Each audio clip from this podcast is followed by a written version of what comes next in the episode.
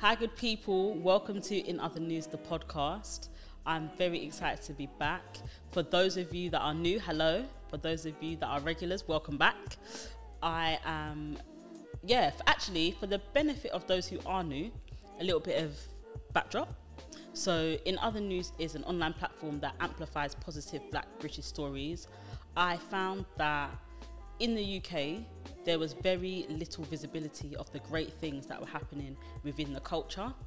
I saw that when there was anything great happening within the culture, it seemingly looked like it remained in the sports, media, and arts industry, which are all incredible spaces. I wanted to add to that story and add to that amplification by sharing stories of people who aren't famous, at the start of their journey, halfway through, and also in various different industries. I think black people operate some really niche and amazing spaces in this country separate to black America as well is something that I want to note. I think that black success is often masked in like black American success, and being black British is a very different identity to that, um, just because of how we live, the nuances in our speech, all of that kind of thing. So, in other news, is a space to find all of that. So, whether it's stories of business owners, artists, health and wellness advocates, um, musicians, chefs, um, photographers, uh, poets. Who else? Who else? Who else? Speakers, broadcasters, presenters, friends, um, barbers, uh, yeah, and everything in between.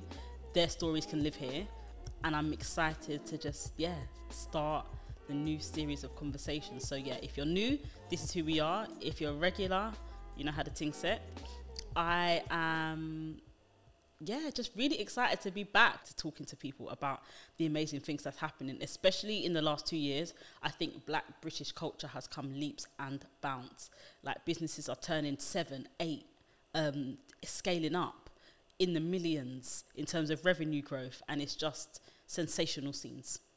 Sensational scenes. So, yeah, look forward to many more conversations, and I hope that you enjoy the first episode, which is just with me. In other news, the podcast. For context, when I turned 26, I decided that I was going to write down my age in lessons every year. Um, however, by the time I got to 28, I was at like 32 lessons by the time I'd like six months has gone past. So I just decided to keep adding to notes on my phone for lessons that I'm learning and learn and living because I think that's also very important that it's all well and good to learn lessons, but if we're not living them, it's just dormant. So I am going to share 11 is one of my favorite numbers. It's also my birth date. So by virtue of that, I'm going to share 11 lessons that I've learned in the last year and um, that I'm currently continuing to learn, relearn. So the first one actually came from a sermon I was watching. Um, a pastor called Pastor Mike I can't remember what sermon series it was from, but it really resonated.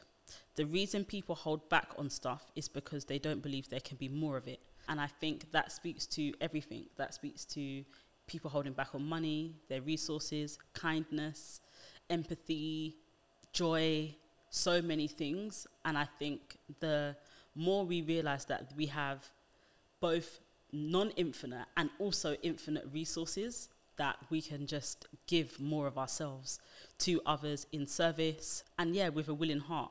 I think obviously the first thing that came to mind when i read that was around money. And i think the narrative is you know don't give more than you can lose afford to lose essentially um, but i truly believe as much as i feel like there's truth to that because otherwise you'll just be doing things sporadically and not really thinking about what you're doing in terms of like supporting other people financially. But I do think that if you give, especially from a financial point of view, with a willing heart and just wanting to, then it always comes back to you. And what's also important to remember that I've learned is that it doesn't always come back to you financially. It might come back to you in another way. It might come back to you in an opportunity. It might come back to you in a relationship. It might come back to you in just an internal feeling. So I think ultimately the lesson here is like giving out, knowing that you gave out with a willing heart and you were, yeah, you just wanted to, um, regardless of what you get back in return. The second one is work from rest and not just rest from work. So most people that I know rest from work, um, which is fine and which is normal and which is necessary. But I think it's also very important, um, and like you'll hear in an upcoming conversation, the importance of sleep and actually getting rest so you can work from an optimum point of view. And rest doesn't necessarily only mean sleep, it kind of means just putting your mind at rest. So whether that's whether you're into kind of meditation or prayer or even nothing spiritual, but just taking time out for yourself, sitting outside, being in an open space, reading a book, or just doing nothing at all. I think finding time to like put our minds at rest to be able to optimize how we work moving forward is a lesson that I've learned is so key. The sleep one, yeah, we're getting there. But in other areas, I'm feeling like, and you know what's actually rest for me, although it sounds a bit strange? Dance. So I find that like one of the most therapeutic things that I do. And although it's obviously vigorous, there's so much going on, the music is loud, the vibes are high, it also feels like a moment of solitude and it helps me reset. So although the lesson is don't just work from rest, rest from work, whatever rest means for you, I think it's really important to find that so that when you do go into work or like a difficult situation or just life in general, you can yeah, feel like you're you're prepared in your body to like get the job done. The third one is done is better than perfect. Striving for perfection often leads to procrastination. Focus on your ability to execute and then refine as you go along. I think this holds bare people back, uh, myself included. Like wanting to start something so perfectly, get it so right, not make any mistakes, and then 10,000 million years later, you're saying, oh, but I wish. I think a story that I've recently heard was um, Tracee Ellis Ross. She's developed a hair care range called Pattern, and it took her 10 years to get right. And now, like, it's honestly one of the best ranges of products I have ever, ever, ever used. And it just speaks to the fact that taking your time to get something right is really important, but knowing the difference between taking your time to get it right and procrastination because you think, oh, I, I got time. As much as, yes, we all do have time, um, our days are, without sounding morbid, our days are actually numbered. So I think ultimately, what I also know is that fear is like the foundational feeling that procrastination is built on. Like when we procrastinate on stuff, I think it's because we're a bit scared. Like we think, oh, I don't know what's gonna happen. And sometimes it actually is as simple as that. Like I don't know what's gonna happen. And it might not be specific, like I don't know what's gonna happen with my money, or I don't know what's gonna happen with my friendships, or I don't know what's gonna happen with my reputation. It might just be, I just don't know what's gonna happen. But execution is courageous. And I think if I'm t- and talk to myself in all of these lessons, knowing how to execute and then refine is really important. Like everything we now see that we hold or view or experience in its state was once like a beta trial, was once like the first version, was once the the demo. And I think had Apple not started, we wouldn't be here. Had um, even the space that I'm in recording the podcast at Translate Culture. Had they not started the business, I wouldn't be here. So I think, yeah, the importance for me these days and my encouragement to anyone is just to execute now and then see how you can pattern up and like refine it and get it right later on. Yeah, the fear of not knowing what's happening is what holds us back. So I think just, um, yeah, it's cliche, but just start. The next one is when you don't hear God's voice in a situation, it's not always a bad thing. A good teacher doesn't talk through a test, it's time to apply what you've learned. So, that one I relate back to, if I was to make it visual, I relate back to school. So, I know that um, I'm laughing because I remember in school teachers walking past and kind of miming to me and other students, like, Are you okay? Got it. Like that. But ultimately, like, they're just encouraging you to apply what you've learned. They're not giving you the answer as they walk down the aisles. They're encouraging you to just tap into yourself and the information that you have and the skills that you have and the wisdom that you have and just apply that out. We never know if we're going to get it 100% right, but I think not doing anything is also doing something. So um, yeah, that for me is also got a spiritual, like a spiritual element to it as well. Like as a woman of faith, like prayer is really important. But sometimes when I pray and don't hear anything back, I'm like, nah, not sure what's gonna happen now. But sometimes it's actually like I think in my experience that it's actually God not saying anything because He's like, you know the answer. It's in you. Like, or you've been through a similar situation like this before. It's a bit like, you know, like transferable skills at work where you've done something one place and then you go somewhere else and actually you can do it another place. That's what I think that situation is like. Like, it's just transferring that knowledge that you already have into a new situation and not being afraid that if you don't hear God's voice, you shouldn't do it. Sometimes it's the sign to actually do it because you've got the skill within you or you've got the answer within you. The fifth one.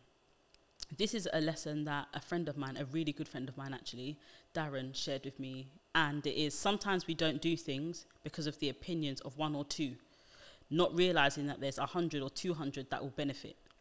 So that kind of links to the procrastination thing and the fear thing, and just ultimately feeling like just because a couple of people gave you advice or shared a viewpoint that doesn't necessarily align with how you were internally feeling, don't let that let that be the fuel to propel you to see if you can just not even it's not even a prove them wrong thing at all. I don't I don't necessarily like subscribe to that, but I think it's more about let's just see like, let's just see the people that you ask for opinions or guidance or advice from are not the only people in the world.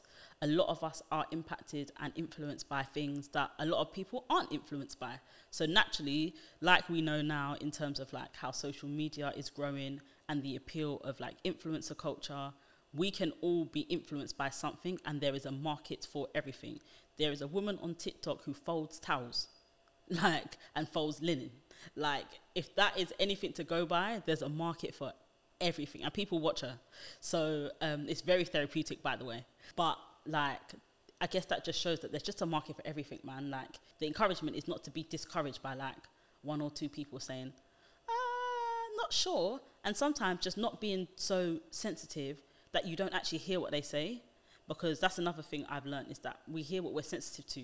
So if someone doesn't say, oh, that's sick, and they say, oh, like, have you considered this? All of a sudden, they're not on our side.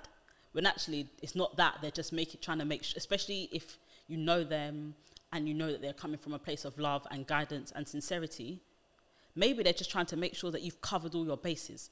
Having people around you and they tell you something that you maybe don't think is aligned with your thoughts is not necessarily a bad thing, but also shouldn't discourage you from doing what you want to do because there's one or two people that might not la- love it, but there's maybe 200 people that will be obsessed. The sixth one is how amazing is it that God puts you in situations because he has faith in you. So sometimes, like when we get put in situations or we're in places or spaces and you think, what did I do to get here? Like, how, how am I supposed to navigate this situation? It's because God knows what you can handle and He knows what you can overcome and He knows the person that you can become off the back of it. So sometimes I think wow, like, why would I get put through this? But like, there's obviously a bigger picture. And again, in light of a, an upcoming episode, we're all part, sorry, we're all part of like a bigger picture and a bigger scale. So when we're put in these types of situations, there's also like, I feel like sometimes God looking down like, you've got it. God doesn't put us places to be embarrassed. Like, that's not, that's not God. Like, he puts us places to be I need some water. He puts us places to be elevated and to be, um, yeah, to be our best and highest selves. So yeah, know that God has faith in you as well when He puts you certain places. Okay, number seven is not everything finds you. Sometimes you have to seek the things you wish to be a part of. So yeah, I think that's fairly self-explanatory. I think it's really important to not only rely on kind of life to align you with things, but also be proactive in aligning yourself with things. Me and one of my closest friends always talk about like making actual changes, like Leah, we always talk about like actually making changes for things that we don't like or things that we know we actually can change. Even if it's small steps and i think maybe that's the intimidation factor like feeling like oh it's such a big task to change or it might take me a year or it might take me so long or i've got to get loads of other people involved to get there. But ultimately all of these things can be changed. So um, yeah i think it's really important not only to seek the communities we want to be a part of but remember that like yeah alignment is not only doesn't only go this way it also has to go that way. The eighth one and this was a hard one for me to accept but the eighth one is the obst- the obstacle is the way. So the hard thing that everyone's avoiding in their own life is usually the way to the next best thing.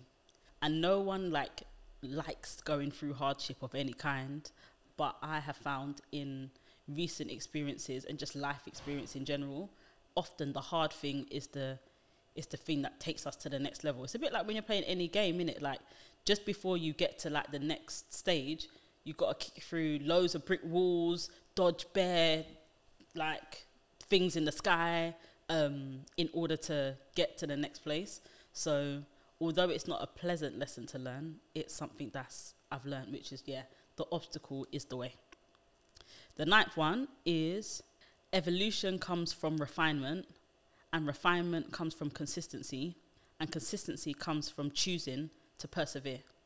So, like, knowing that, like, in order to evolve and be refined and be consistent, you first have to make a choice that you're going to stay at this thing regardless. And that regardless doesn't necessarily mean no breaks in between or taking a little hiatus to rethink or re strategize if it's like a business or something, but just knowing that you're committed to this cause or you're committed to this thing or you're committed to this journey regardless and that you're going to persevere when it gets hard. It's a bit like that um, saying that says discipline is discipline is not what you do when discipline is what you do when you don't want to do it or something like that and it's the idea that when you don't feel like it and you still do, that's you developing like that discipline muscle. And I feel like it's the same with perseverance. Like when you don't really want to go to the gym, but go anyway and just cycle for half an hour, that's your commitment to being consistent. Or if you don't want to do that and you just feel like, you know, it's a nice evening, let me just walk to the shop instead of driving, that's your commitment to being consistent when you and also not getting pulled into like feeling like if people can't see it, nothing is happening. I think that's a major thing for our culture and time more than anything. Knowing that doing the work and like I'm not even I don't necessarily subscribe to either move in silence and then make your moves public. Like I think that just get the work done, and however that manifests, it manifests. But I think not feeling less than if your work isn't out there but knowing that you're doing stuff. Like one of my another good friend of mine, Tula, she said to me one time when we were talking about something else, and she said, "Why are you panicked when you're not passive?" And that hit because if you're doing stuff, why are you nervous that nothing's happening? You're actually making steps towards it. Like if you're walking to the train station, you wouldn't be nervous that you're not getting to the train station because you're walk- you're actually going there. I guess the difference is that for a lot of the goals and dreams and aspirations that we all have, it's it's not as tangible as walking to the train station. But I hope the example is clear in that like if you are actually being proactive in moving yourself toward whatever that bigger life or like most authentic life is for yourself, don't don't be panicked because you're actually doing something about it. The tenth one is don't always rely on God's favor and grace in situations where I could have just been better prepared.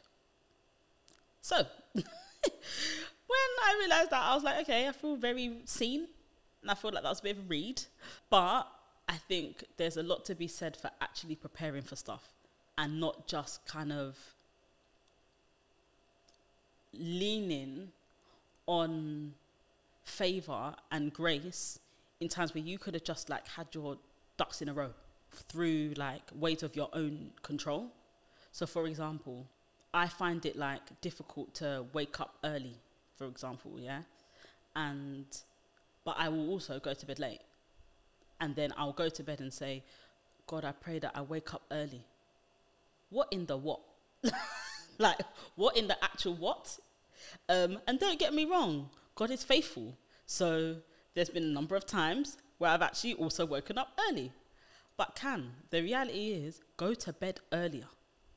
Because that's what I mean about like just being better prepared and not relying on like the fact that God is so faithful and he, He's going to bust you regardless when you can actually just like help yourself by doing things. That's like quite a low level example, but I hope the point lands in that, yeah, man, like we can all just be better prepared. And so that, like, not even so that, but we can all just be better prepared, full stop. And when God's grace and favor like shows up in our lives, it's like, oh my days, like this is this is a hundred percent favor. Like I had nothing to do with this, and like this opportunity just landed in my lap, or like this situation completely turned around. So yeah, I think that one was a bit of a read for me, but it was a necessary read because I um yeah I think I could do with just generally being better prepared. Like we all could, I guess.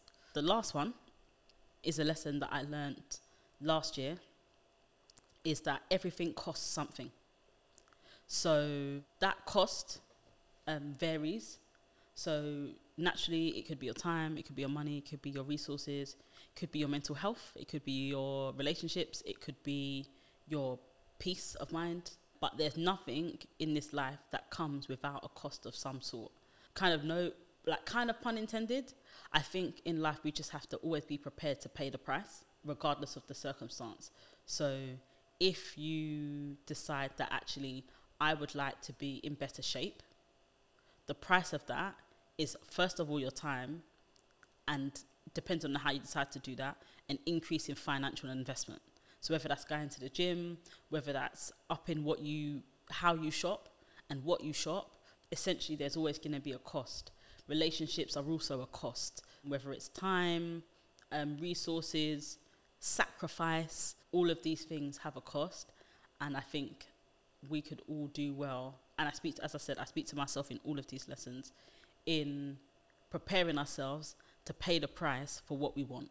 And also knowing that when like surprises in life happen, there's also a price associated with that. So like a very um, real example was that the other day I needed a car service. I budgeted for how much I thought it was going to be, and then a mechanic phoned, and he hit me with a cost I was not expecting. What I was not expecting. However, he did say to me that after he's finished, my car's to drive like a Ferrari. Um, and the truth is, my car now drives like a Ferrari.